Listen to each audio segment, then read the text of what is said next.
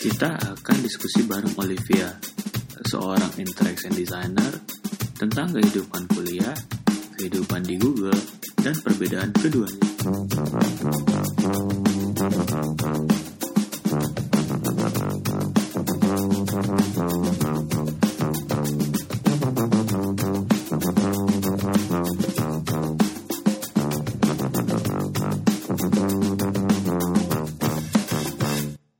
Welcome to Sit Talk Design. Nah, hari ini gua lagi bareng Olivia, ya.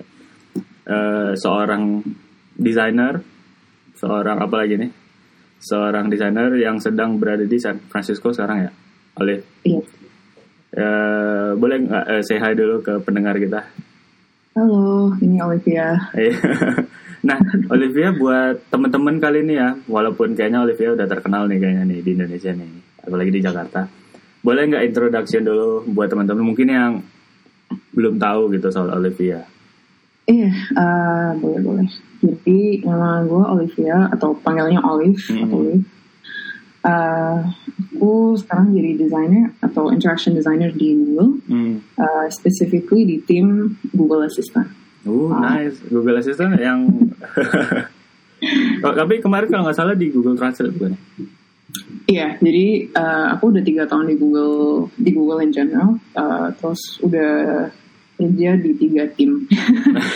Totalnya, jadi tim pertama di Android on Hmm. the Pixel team, terus tim kedua di Google Translate, Hmm. terus sekarang tim ketiga di Google Assistant. Oh, wow, nanti kita bakal ngobrol soal itu kali ya, kayak eh, bagaimana tiap timnya, terus kayak seru seru atau enggak di Google. Udah tiga tahun soalnya kan. Oke, tapi eh, pertama kayak kemarin tuh aku tuh kepo-kepo gitu di eh, kayak cari-cari gitu Olivia Grace, Olivia Grace di website, eh, di Google terutama ya. Cari Olivia Grace di Google ya boleh lah. Nah terus eh, nggak nemu nih website or something, tapi namanya Dribble gitu kan. Hmm, Ah. Terus eh, kayak aku kulik-kulik lagi, tapi akhirnya nemu sebuah portfolio dengan domain edu yang berarti masih portfolio student waktu itu ya. Iya, itu udah tua banget. Jadi kayak Jago. aku digging digging digging through that dulu lah kayak eh, portfolionya aku lihat. Terus kayak projectnya keren-keren, terus kayak eh, tapi di situ tuh kan waktu itu sebagai student tuh ya. Boleh nggak diceritain dulu back then itu kamu kayak background pendidikannya di mana sih? Terus kayak kehidupan sebagai design student kalau nggak salah ya waktu itu. Iya, iya. Nah, itu gimana tuh? Boleh, boleh. Oh, boleh tuh. Curious, eh, project apa aja yang dilihat sih? Oh iya, jadi eh, aku tuh kemarin interested banget sama Tidal. Aduh, Oke, oke, boleh, boleh. Jadi eh, buat yang nggak tahu nih di portfolionya Olivia itu ada app yang namanya Tidal. Tapi bukan musik player bikinannya Kanye West ya. Tidal ini yang eh, jadi si oh, boleh nggak ceritain dulu Tidal itu apa? Iya boleh boleh. Uh, Tidal itu one of my school projects Hmm. pas kayaknya kelas tahun ketiga deh. Hmm. Nah itu gue explore gimana cara apa apa making a tsunami evacuation app. Hmm, hmm, hmm. Jadi uh, pasti kasih tugas dari guru itu yang salah satu requirementnya itu cuman buat app, uh, boleh di iPad, boleh buat uh, on a mobile phone, Hmm. asalkan itu ada proses, ada step-stepsnya gitu. Jadi Ah. sama profesor itu cuman pingin di apa istilahnya she just wanted us to practice that UX skill. Kalau misalnya uh, dalam satu task ini ada multiple steps gitu, Hmm. kita pemikirannya kayak apa. Terus gue uh, kayaknya sih gara-gara bokap ya. Kenapa tuh? Ya, sejak gue kuliah di US, bokap itu selalu bilang um, kalau kamu tuh sebagai international student, sebagai Indonesian itu, uh, coba kamu uh, harus stand out dong di kelas. Uh, dan caranya itu, one of the suggestions that uh, my dad gave me itu, Hmm. kayak coba kamu pikirin perspektif apa yang unik dari kamu sebagai orang Indonesia itu yang Hmm. kamu bisa uh, apa that you can give in a school project yang orang-orang lain tem apa classmates classmates kamu yang orang-orang Amerika nggak bakalan punya Ah, terus beneran tuh kayak gue jadi mantra gue sih. Iya, iya. pas gue pas gue anak kuliah gue jadi mantra. Nah itu, ya itu makanya gue pikirin, oh apa ya yang unik eh, dari pas gue growing up yang cuman apa kerasa di Indonesia. Terus gue mikirin kayak oh yang dulu kan tahun 2004 ya yang tsunami gede yang di Aceh Hmm. itu. Terus gue jadi gue jadi curious aja sih tentang event itu. Terus mulai ris- apa research research gitu. Terus I found out that kebanyakan orang meninggal itu uh, gara-gara tahu tahun 2004 itu nggak ada evacuation system yang berfungsi di Indo. Iya. Nah itu kan a huge red flag kan udah. Iya, Ini kan iya. ini ini gimana kalau nggak terjadi? Hmm.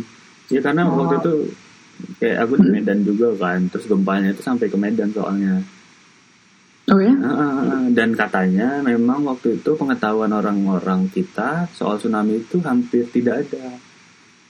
Ah, ah. Oh. Misalnya kayak waktu airnya surut itu orang-orang pada nyariin ikan gitu, kayak ikan-ikan gitu loh.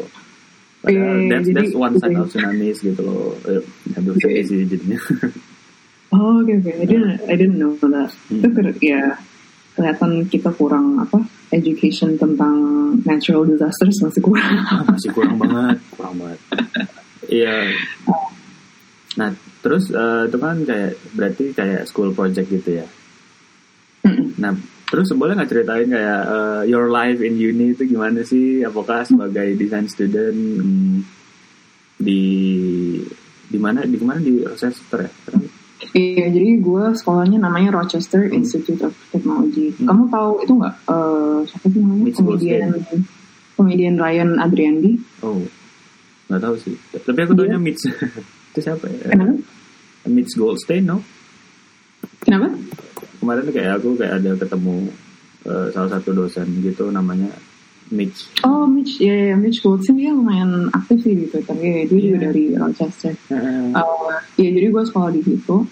Um, jurusannya namanya Media Design. Itu mirip DKV, tapi ada, I guess ada fokusnya uh, in UX gitu. Jadi nggak cuman nggak cuman graphic design, nggak cuman ngajarin Photoshop atau Illustrator gitu, tapi ada memang diajarin caranya research gimana, diajarin UX proses itu kayak apa. Hmm. Uh, tapi at the same time kita juga dapet kayak 3D animation, dapet animation yang kayak 2D itu juga dapet. Jadi uh, a little bit of everything. Um, tapi nanti biasanya tahun ketiga sama tahun keempat anak-anak bakalan fokus kayak pilih UI UX atau pilih animation motion graphics gitu. Hmm. Terus gue gue pilihnya ya UI UX. Kenapa waktu itu tuh pilihnya eh, interface design? Uh, dulu gue kenapa? I think animation gue suka, tapi gue sadar tahun tahun kedua gue gue sadar kayak itu so much work. gue nggak sabar. Iya sih. Eh aku aku juga dulu belajar animasi sebentar. Dulu kayak mimpinya tuh wah nanti aku bakal bikin anime. gitu. Ya kan? Uh, ya, terus, terus ketika making one project dan ternyata butuh bertahun-tahun atau berbulan-bulan terus kayak tuh nggak usah deh kayaknya sih. I didn't meant for this langsung gitu Iya. iya terus gimana sama gue nggak sabaran terus gue kayak ah UI UX aja deh terus gue ternyata gue found out kayak oh ternyata gue lumayan oke juga dalam bidang bidang Iya, iya, iya. Iya, iya. Sekarang di Google ya, oke. Iya, terus eh, terus waktu memilih itu eh, pertama kali belajar tuh gimana sih kayak eh, what do you expect? Bahkan waktu belajar pertama kali atau waktu mem- mem- memfokuskan diri ke interface design or UX design. Eh, expectationnya ya Hmm. Dulu eh gimana ya? Ini I think there was no expectation gue bakal masuk Google. Gue cuman kayak gue masuk UI UX eh, dengan pengetahuan kalau gue belajar ini gue bisa bikin something yang problem solving. Iya. itu gue ya gitu doang sih. Terus uh, untungnya di sekolah gue tuh banyak alumni yang masuk design agencies yang lumayan bagus lah di US jadi kayak kebanyakan ke New York City atau kebanyakan ke San Francisco. Nah New York City kan masih pada dasarnya itu big place buat advertising kan. Tuh. jadi banyak banget agencies yang memang quality-nya bagus-bagus gitu. Terus um, tiap kali alumni dari sekolah gue datang terus mereka biasanya kasih tunjuk kayak ini loh project kayak yang kita kerjain di agency kita. Hmm. terus ya gue dengan apa when I was in school kayak ya bayangannya gue bakal masuk design agency terus buat kayak cool website yang Iya, iya. yang bagus banget yang bisa masuk kayak uh, apa Awards.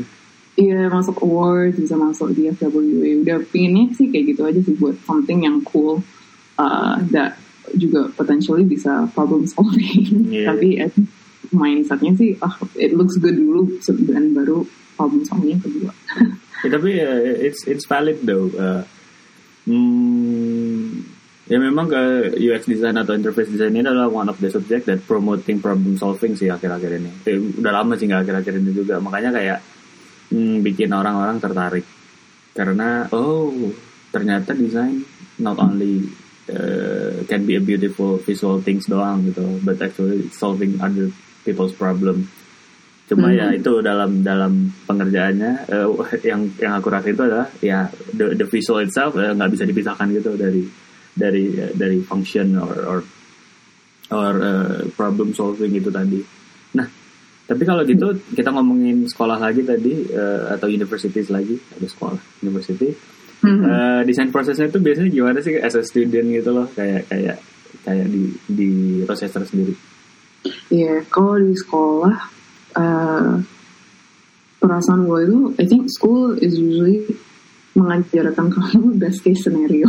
Nah, Jadi best case scenario kamu kalau let's say udah kerja, nah prosesnya kalau dalam situation yang everything is in your favor, kamu bisa dapat waktu sebanyak-banyaknya, kamu bisa dapat engineer sebanyak-banyaknya. Betul. Eh, nggak ada nggak ada apa kayak restriction sama sekali itu. Itu yang sekolah ngajarinnya itu. Hmm. which is I think it it's good. Karena kamu paling nggak dapat dapat dasarnya lah. Terus dapat eh, prosesnya. Eh, pokoknya belajar proses itu penting banget I think. Eh, cara belajar best case scenario itu apa. Jadi ya pertamanya sih diajarin tahun pertama sama tahun kedua itu biasanya fokusnya masih dalam visual. Jadi kayak kita diajarin Photoshop diajarin animation uh, belum ter- terlalu masuk UX thinking atau design thinking. Tapi paling enggak dengan belajar visual itu udah belajar tentang hierarchy. Iya, iya. udah belajar tentang prioritization kan. Um, paling enggak dasarnya udah ada lah Nah baru tahun ketiga sama tahun keempat itu baru masuk kayak design proses belajar. Oh research itu kayak apa? Belajar interview dikit. Terus eh, dari research kamu tuh gimana kamu eh, put apa yang kamu pelajari dari research itu bagaimana kamu buat itu untuk desain itu kayak apa? Um, apa lagi ya? Menarik banget. Berarti kayak gue ngebayanginnya itu kayak kadang-kadang ada skenario gitu dari profesor or- atau dosennya itu yang ngomong bahwa eh, coba bayangin ada masalah ini eh, kamu eh, tinggal solve aja gitu terus kayak eh, and then presents to me gitu ya biasanya kayak or something. Eh, tergantung kelasnya sih tapi yang jadi gue kayak kalau masih tahun kayak tahun kedua tahun ya tahun kedua tahun ketiga itu biasanya lebih apa eh, restrictionsnya lebih ketat lah Hmm. jadi eh, dulu tahun kedua apa ya oh contohnya Ya, ya, ya. uh, setahun ketiga itu semua murid-murid di major gue itu always does this one project itu untuk redesign sistem namanya apa uh, lupa deh namanya my courses. Itu basically website di mana anak-anak itu bisa anak-anak di universitas gue tuh bisa ngecek uh, PR bisa ngecek kelas Oh kayak kelas kayak hubnya si university-nya gitu ya. Mm-mm, hubnya university terus tiap tiap guru itu bisa posting kontennya sendiri gitu Hmm. terus murid-murid itu tuh cari kontennya di situ terus apa kayak submit uh, PR-nya itu di situ juga Hmm. Um, tapi websitenya tuh nggak seberapa bagus sih makanya Ya, kita biasa kalau uh, website university itu. mm-mm, ya pas-pasan lah Iya. asal asal function apa basic functionnya bisa ya udah mereka pakai kan Hmm. Uh, tapi itu selalu uh, tahun anak-anak yang tahun ketiga di major gue itu selalu redesign itu jadi sampai apa anak-anak yang tahun apa tahun pertama tahun kedua itu udah tahu kayak "Ah, nanti pas tahun ketiga kita harus ngerjain Oh gitu. Jadi kayak udah siap-siap gitu bisa kali ya. Jadi dari tahun Iya. kedua mungkin kayak udah udah coba-coba dulu di rumah or something. Iya, Nah, Iya, eh. tapi mungkin dengan at least dengan restriction gitu kita Iya. udah apa kita tahu usernya siapa kita Ah. tahu ya apa siapa yang kita harus interview terus kita paling nggak udah tahu kayak oh ini platformnya bakal cuma ini doang Um, terus semakin semakin tua uh, udah tahun keempat itu biasanya uh, apa tugas yang dikasih guru udah lebih apa open ended lah Iya, jadi iya. paling dikasih oh kamu harus buat uh, experience yang menggunakan real time data Nah sih. Jadi kita bisa ngerjain apa aja ya. Ya menarik banget. Soalnya eh Makanya aku baru tahu sih soalnya kan eh, aku juga nggak pernah attend any college juga kan. Terus kayak kadang-kadang penasaran gitu makanya aku tuh kalau ada yang bilang wah aku kuliah desain atau kuliah di sini terus aku langsung todong gitu gimana sih di kuliahan? Gitu kayak prosesnya gimana terus kayak eh, disuruh apa sih gitu atau kayak eh, tugas-tugasnya itu gimana. Terus kayak cara mempersiapkannya untuk nanti eh, taking as a real professional itu gimana sih gitu kan. Nah terus tadi kan kita udah ngomongin soal kuliah nih ya kan soal univer- university life tapi kita nggak bahas mungkin university life yang lain gitu ya kayak kayak apa, pacarannya gimana terus Kelasnya gimana Iya, iya. itu nanti mungkin ya. Eh, terus, nah habis itu kan eh, lulus nih, ya kan? And then you you are going to eh, company or menuju ke real life gitu. Apakah ada ekspektasi ekspektasi ekspektasi yang tadinya sebagai student berbeda dengan yang ada di dunia nyata? ini banyak sih Banyak ya. Di apa ya, engineer kurang, eh, stakeholders nggak mau, apalagi. Iya, iya, kayak gitu-gitu apa yang kayaknya masalah apa kayak pekerjaan sehari-hari yang kita nggak, you know, pas di sekolah kita nggak harus menghadapi ini gini. Iya, iya. Tiba-tiba udah kerja kayak oh ternyata nggak semua orang eh, ada apresiasi dengan desain kayak gitu. Oh. Terus kayak gimana cara cara convince kalau desain itu memang penting kayak gitu-gitu lah. Nah terus eh, eh, nanya dikit nih, habis eh, kemarin setelah tamat berarti langsung di SF ya? Eh iya, untungnya udah dapat kerja sebelum lulus. Nah, kalau nggak, gue nggak tahu sih di SF itu. Mahal banget sih. iya, oh iya, itu nanti kita bahas juga. Eh, terus, em, terus itu gimana sih kayak? Eh, kayaknya mungkin kemarin udah pernah dibahas kali ya eh, tentang masuk ke Google gimana caranya. Eh, di podcastnya Om Trino. Ya, di DDD. Shout out to Om Trino. Nah terus eh, mungkin kita sekarang ini mau bahas doang kayak mungkin challenge atau struggle-nya doang sih. Tadi kan mungkin tadi Olivia sempat sebut bahwa desain ternyata ya memang masih ada aja pihak-pihak yang tidak mengapresiasi desain dan itu memang menurut aku sendiri bukan salah mereka tapi itu tugas kita untuk you know Iya. ya, bikin Iya. orang-orang mengerti dan paham tentang desain. Nah tapi di Google sendiri challenge atau struggle-nya itu gimana sih yang mas ya kalau masih ada atau mungkin dulu Iya. paling berat gimana? Definitely. I think uh, yang pas gua kaget ya rasanya Iya gimana? pas masuk sebagai apa sebagai orang di luar kan kita lihatnya wah Google kayak hebat banget gitu. Iya, iya, iya. Setelah masuk definitely ada beberapa hal yang kayak gue kayak oh ternyata kayak gini ya. Uh, kayaknya salah satunya tuh uh, kita manggilnya internally kita manggilnya tech debt Hmm. ngutang apa di Indonesia apa ya kayak ngutang teknologi yang masih Iya, kurang iya. lah Kita backlog ngutang. backlog yang nggak jelas nggak pernah dikerjain Hmm. gitu-gitu ya. Iya. Mhm. nah itu gue kaget sih. Tapi it makes sense kalau dipikir-pikir karena Google kan mulainya udah berapa? 20 tahun lalu. Dan Iya. itu produk yang gede banget dan dipakai dengan banyak orang. Dan company-nya sendiri juga gede. Nah dengan apa? ukurannya yang segitu besarnya obviously nggak gampang dong untuk bikin change yang kamu pingin atau apa. Kan banyak banget stakeholdernya. Jadi makanya it's very it's very slow to make a change karena satu stakeholdernya banyak dan dua usernya juga banyak Hmm. So I think one of the things that surprised me itu kalau if you want to make a change, depending on what product or what team, it can take time. Nah, the, karena time itu juga akibatnya sometimes some of the internal kayak code atau internal tech stuff itu udah outdated ternyata. Yeah, yeah. Kadang-kadang begitu. Um, jadi kayak for example pas gue ngerjain yang Google Translate website redesign itu, the reason why uh, redesign itu perlu uh, perlu terjadi itu satu memang desainnya udah outdated, tapi kedua itu ternyata juga uh, internally tech tech debt itu tadi. jadi pas mereka buat website itu ternyata for some reason code-nya ada ada dua jadi ada satu ya ada satu code base buat uh, Google Translate yang di desktop. Terus ada satu lagi code base yang kedua itu cuman buat mobile mobile web. Nah itu kan that that uh, that coding practice kan? Ya, ya, ya. karena ot- dengan secara otomatis pihak engineer itu harus maintain code ya apa dua two different code bases gitu. Jadi kalau mau ngerjain satu change mereka harus ngerjain dua kali kan? Um, so that that was the reason why Google Translate website happened uh, tapi like for example like things like that I was surprised like oh ternyata Google nggak it's not always as updated as you Yeah, think it is yeah, yeah.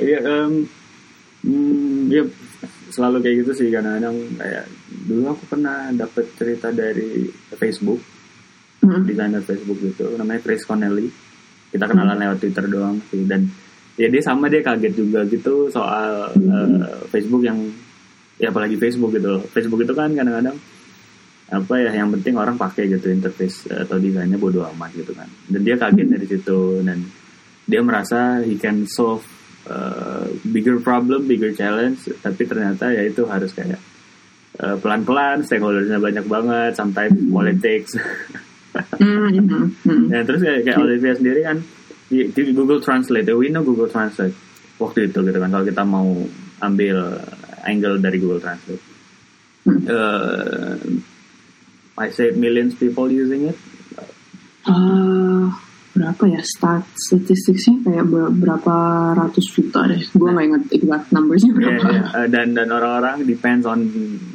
that ketika bepergian, ketika ketemu seseorang yang mereka nggak ngerti bahasanya. Uh, what do you feel designing for the next billion users? Asik, kayak Google gue ya.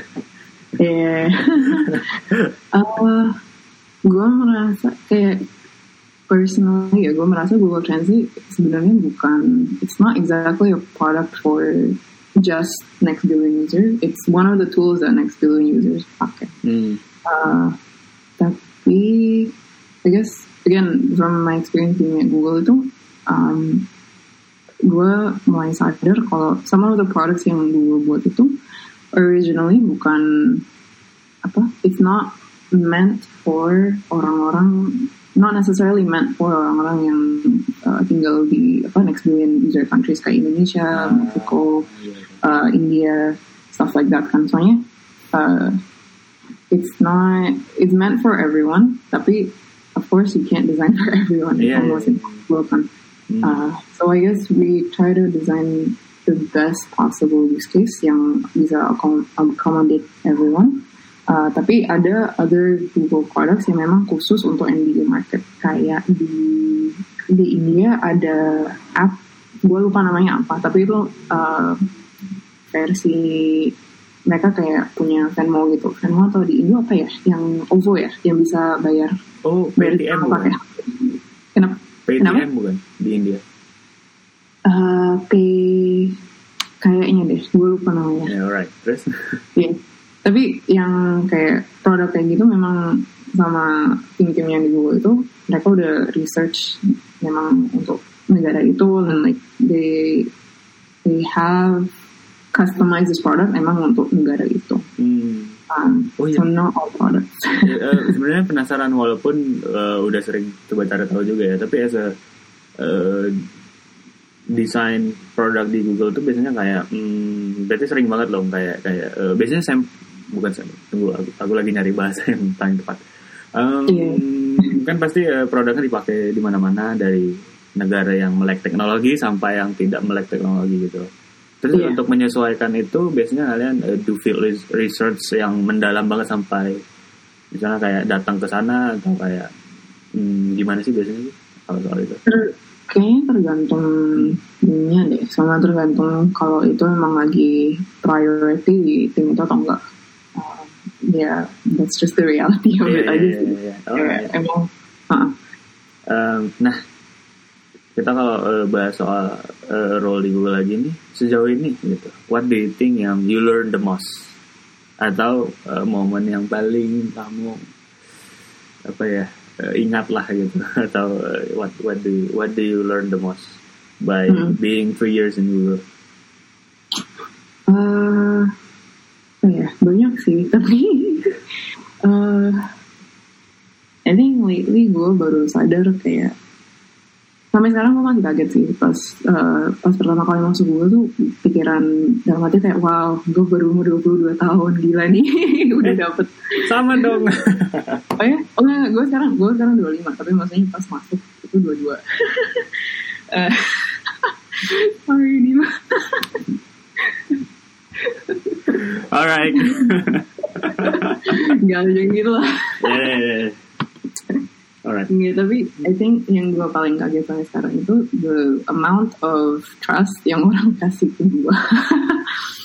Masih ini. Dan itu kayaknya gue benar-benar belajar kayak di Google tuh mereka nggak lihat nggak nggak lihat usia nggak ngelihat uh, kamu gendernya cewek atau cowok nggak lihat uh, apa your nationality itu beneran kayak oh kamu percaya ada trust sesama lain itu ada gitu which yeah I think itu it took me a while to get used to dan gue sampai sekarang masih kayak harus juga apa kadang-kadang gue nggak sampai nggak percaya aja sih Iya, iya, iya, yeah. ya karena hmm, nggak tahu ya eh, kayak em, sebagai desainer juga yang sama aku juga udah mau tiga tahun nih di perusahaan sekarang Hmm. Eh, terus ya itu ternyata memang di terutama di design or creative industry ini kayak ya itu skill itu ya dicari bisa eh, orang-orangnya baik-baik banget. I don't know ya di mana ya tapi eh, syukur ter- aku ketemunya sama orang-orang yang eh, mau ngajarin gitu atau mau berbagi gitu misalnya kayak eh, ini episode-episode podcast ini gitu lah. Dan kayak semua orang tuh kayak dengan senang hati gitu membagikan ceritanya for us for listeners for eh, semuanya gitu loh. Karena ya itu di dunia industri kreatif itu syukurnya ya entah nggak tahu tempat lain tapi yang kita temuin atau yang aku temuin itu ya mau berbagi gitu. Terus eh, kemarin itu kit- aku sempat kayak if you know Budi Tandrin Uh, eh, buka lapak ya cuma eh, gitu deh. Terus itu di episode 3 kemarin dia bilang kayak di Indonesia terutama kita sebagai desainer harus mulai numbuhin yang namanya sharing culture supaya iya. Ya karena itu selain kita berbagi juga itu sebenarnya bikin kita jadi tambah juga ilmunya sebenarnya iya ya kan iya iya. itu benar 100% benar Iya. Nah, terakhir nih, terakhir nih soal role or pekerjaan designers. Biasanya eh, y- your usual approach atau pendekatan Olivia ketika mendesain atau mengerjakan suatu project itu gimana sih? Ya, Oh. summary aja proses. iya te- eh, belakangan ini sih tergantung projectnya ya Hmm. tergantung apa timelinenya biasanya Soalnya, soalnya banyak eh, pendengar atau di komunitas-komunitas desain tuh aku sering banget kayak nemu-nemu pertanyaan. Halo kak, eh, kalau ngedesain itu prosesnya apa ya? Eh, kak, Hmm. kalau aku nggak ngerjain eh, user research boleh nggak kak? Nah gitu-gitu. oh oke oke Ya, you know. iya iya. I guess eh, secara umum ya Iya, iya. pertama itu selalu research gitu. Hmm. Nah, kamu tuh pas riset, uh, jangan cuman uh, user interview penting. Jadi kayak, uh, I think the goal of doing research itu buat kamu ngerti sekarang itu situasinya kayak apa. Iya betul. Dan solusi yang udah, uh, yang exist sekarang itu kayak apa. Hmm. Uh, dengan penge- pengertian tentang landscape sekarang itu kamu bisa mulai pikir kayak oh uh, apa pain points-nya itu apa aja. Nah kalau kamu udah identify pain points dan juga mulai bisa pikir dong oh kalau gitu karena pain points ini apa yang bisa kita what can we design to make it better. Jadi apa ya for example uh, pakai let's use Google Design Challenge deh. Soalnya gue kemarin baru ngomongin sama temen juga. Oke. Uh, example Google Design Challenge itu uh, apa ya? Oh, try coba buat sistem yang bisa bantu orang-orang yang kerja sebagai kayak pelayan di restoran itu uh, bisa apa? improve diri mereka sendiri.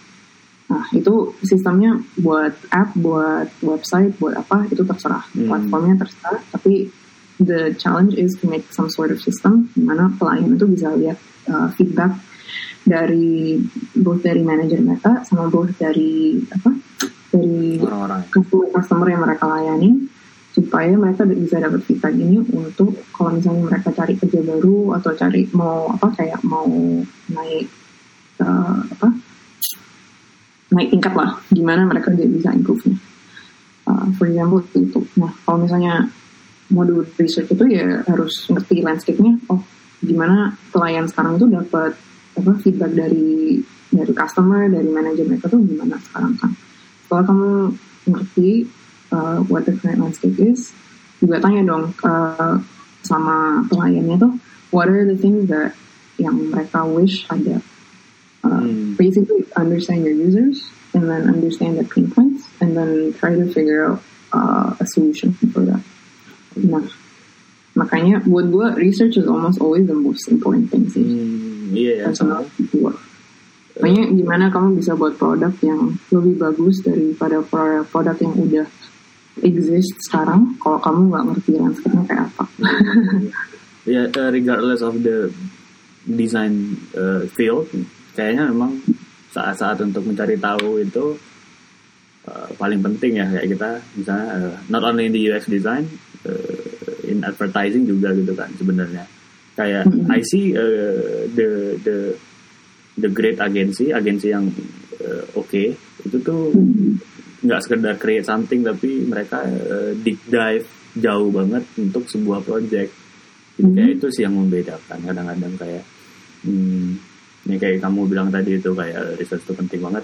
Makanya aku percaya juga karena bahkan di dunia yang aku kira tadinya tidak ada research, misalnya kayak di advertising or or, or graphic design, hmm, ternyata best practitionersnya itu do research first dan jauh banget gitu. Misalnya kayak kemarin dulu kayak tahu uh, Michael Bierutnya Pentagram tau nggak? Iya, iya, iya. Nah dia tuh pernah bilang dia pernah dikasih tugas sama NASA gitu untuk bikin poster. Keren banget sih. Ingat nggak? Uh, kayaknya I don't I don't know that project. Ya, jadi dia dibikin poster sama NASA. Nah terus, hmm, tapi posternya itu adalah gimana caranya menarik orang-orang biasa yang bukan orang cendekiawan gitu atau bukan orang Hmm. eh, teknologi untuk mau terlibat di NASA juga gitu loh. Misalnya kayak donation atau nonton paling tidak nonton peluncuran roket atau something gitu. Nah, Hmm. dia dia bi- eh, dia tuh padahal researchnya simple doang gitu loh, tidak se-dive eh, gimana-gimana gitu. Tapi researchnya simple kayak nanya istrinya kayak eh, bahkan dia waktu itu nggak nanya gitu, dia cuma ngeliat istrinya, istrinya itu yang paling penting tuh apa sih sebenarnya di rumah gitu. Jadi dia gambar vas bunga pakai doodle Hmm. gitu, doodle doang, posternya doodle doang, vas bunga, vas bunga, yang dibalik tuh jadi roket. Oh. Nah terus ya itu jadi orang-orang paham bahwa oh ibu-ibu pun bisa non, bisa nonton roket, bisa paham roket gitu kayak kayak it's, it's- it's simple research yang bentuknya observasi doang gitu loh. Nah di situ aku jadi Hmm. paham bahwa di mana pun desain projectnya, desain subjeknya eh, apa ya eh, research is important kayak yang Olivier bilang tadi. Iya. Gitu sih. Nah eh, tadi kita udah bahas soal university life, design university life. Terus kayak kita udah bahas eh, your life at, at Google. Terus kayak kita udah juga udah bahas your about your design process. Nah, ini biasanya selalu pertanyaan kepada para yang aku interview di Stock Design. Dan pertanyaan adalah what's next for Olivia? Yeah. Belum tahu sih. hmm. Uh, at least in the near future, jadi kayak dua tahun ke depan kayaknya masih bakal di Google sih. Soalnya personal personal goal gue, gue pengen paling nggak jadi manager, design manager dulu di Google. Baru setelah itu kayak baru pikir-pikir mau ke mana. Oh, nice. Let's talk about that. Kenapa mau jadi design manager? Ah, makanya gue merasa dengan at least jadi design manager, gue udah apa ya? Nggak cuman in charge of diri gue sendiri dan cuman jadi apa individual contributor. Uh, gue pingin di mana gue in a position that I can actually influence the product dan gue bisa apa influence other other teams untuk you know invest dalam produk gue. Um, but I think one way of doing that is uh, jadi manager dulu. Iya iya iya. Because uh, ya apa ya mungkin lebih banyak bukan lebih banyak opportunity tapi lebih luas kali ya. Iya, Eh, bukan lebih banyak tapi lebih luas kalau aku sih gitu. Nah tapi ini dikit dikit doang nih kayak tadi kan sempat disebut design manager. Uh, I, I bet that you are working with managers gitu kan. Mhm. Nah dan kalau boleh tahu what do you think about yang bikin se- seorang design manager itu good apa sih gitu dari sudut pandang kita yang di Yang di bawah dia atau di manage oleh dia atau yang partner bareng dia. Iya. Uh, buat gue personally, at least for my past three years, uh, design manager yang gue paling suka itu the type of people yang nggak terlalu apa, nggak terlalu micromanaging. Hmm. Mereka trust sama uh, anak buahnya mereka, or like they trust their reports uh, to do the best job that they can. Um, tapi masih design manager masih harus apa masih harus bisa untuk uh, enable or like help out Iya, iya. the individual contributors untuk uh, I guess ideate or like just as a consultant lah. Gue sukanya itu. Terus uh, manager yang sama juga care tentang your apa your career goals. Nggak cuma kayak oh kamu ya udah kamu uh, the next six months kamu kerjain ini. Tapi kan nggak apa without nggak ada goal in mind gitu. Iya, iya. Nah, menurut gue the manager yang baik itu juga bisa bantu kamu actually uh, set nomor satu set goals dulu kayak mikirin oke kamu dalam enam bulan ke depan mau ngapain satu tahun ke depan mau ngapain lima tahun ke depan what is your goal pokoknya bantuin kamu set goals gitu terus dan nomor kedua bisa bantu facilitate kamu untuk uh, reaching those goals Wah, interesting banget. Karena iya iya karena aku juga merasakan hal yang sama dengan manajerku yang sekarang, guys. Nanti dia jadi dia habis dengerin langsung senang nih. Gitu. karena ya menurutku juga seorang design manager atau manager lah in general, tapi karena kita ngomonginnya desain, eh, bukan cuma seseorang yang bisa itu tadi eh, memastikan kerjaannya beres atau apa, tapi lebih ke Hmm. kayak merhatikan eh, goals kita juga. Terus kayak aku senang banget sama seorang manajer tuh yang bisa apa ya? Aku tuh mempercayakan hidupku ke dia gitu. yeah Nah, dan aku merasakan itu gitu loh. kayak aku tuh eh, bahkan aku tuh bisa kayak ngomong kayak "Oh, dim habis ini lu mau ngapain oh ntar aku percaya aja sama manajerku eh, she she can she know what best gitu kayak aku bisa Hmm. kayak gitu dan itu yang aku senang banget gitu loh. Dan Hmm. dan ketika mencari bukan mencari ya ketika bekerja dengan seseorang yang melit kita itu yang kalau aku personally lihatnya itu banget gitu kayak gimana aku bisa percaya gitu. Hmm. karena susah banget kalau nggak kerja kayak kayak gitu lah cuma kayak sih. kerja tapi nggak ada nggak ada tujuan. Iya. Ini ini kamu kerjain ini ya. Udah dadah gitu lah terus kayak Iya. nanti dia ngambil credits iya iya iya. itu aduh jengkelin banget sih. Udah pernah kejadian belum? Eh belum tapi ada dengar dengar dari teman gue ada yang gitu. Terus tuh "Keren gimana gimana sih." tuh? I like this. Drama nih. Gosip. Nih, jadi dia baru masuk Google. Dia satu tahun setelah gue baru masuk Google tapi manajer pertamanya dia itu ya gitu yang micromanaging banget terus kayak dikit-dikit itu eh, apa dia sama sekali nggak ada trust sama anak buahnya dia. Yeah. jadi uh, apa basically all of the projects yang buat timnya dia yang bagus banget dan yang bakal buat timnya dia apa uh, look really good for the company itu malah dia yang ngerjain. Dia nggak dia nggak percaya kalau anak buahnya dia bisa ngerjain dan bisa do a good job gitu ini malah dia kayak all the good projects dia dia yang pengen ngerjain biar dia bisa apa uh, take credit for it jengkelin banget sih jadi Yeah. temen gue juga ya, gimana ya kerja juga nggak niat dong kan karena dia tahu itu kayak ah ini projectnya juga yang nggak seberapa bagus gitu kan Ya, semoga eh, design managers ke depannya tidak ada seperti itu ya. Lisan, design managers, kalau kalian dengar episode ini. Abis ini gue bakal suruh design managers di Indonesia dengerin ini sih. Alright, uh, tadi kita udah kita udah bahas banyak banget. Kita udah bahas ya University Life kita udah bahas kayak Google Life terus kayak design proses. Kita juga uh, accidentally bahas soal uh, good managers versus bad managers. Gitu deh. Kayaknya uh, udah mau habis nih uh, episode podcastnya kali ini. Dari Olivia ada lagi yang mau disampaikan ke para pendengar mungkin nanti kalau mau datang ke Indonesia. Ah uh, sekarang belum ada rencana sih tapi kalau ada pasti gue kasih tahu Dimas sama kak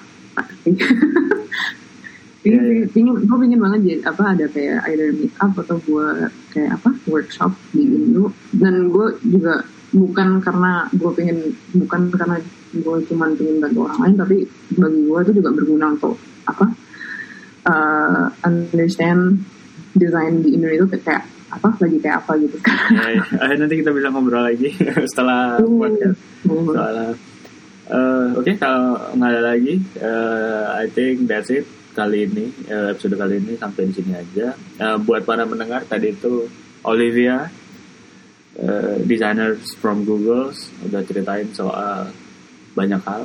Kalau kalian mau uh, request tentang siapa yang next di interview or uh, bertanya apa aja boleh message kita di Talk Design di Instagram. Uh, jangan lupa teman-temannya disuruh dengerin saudara-saudara, bapak ibu biar bapak ibu kita tuh tahu kerjaan desain itu kayak gimana gitu loh. Disuruh dengerin. Uh, itu aja. Host kalian Dimas Bowo dan? Uh, Olivia. Sorry dadah guys thank you so much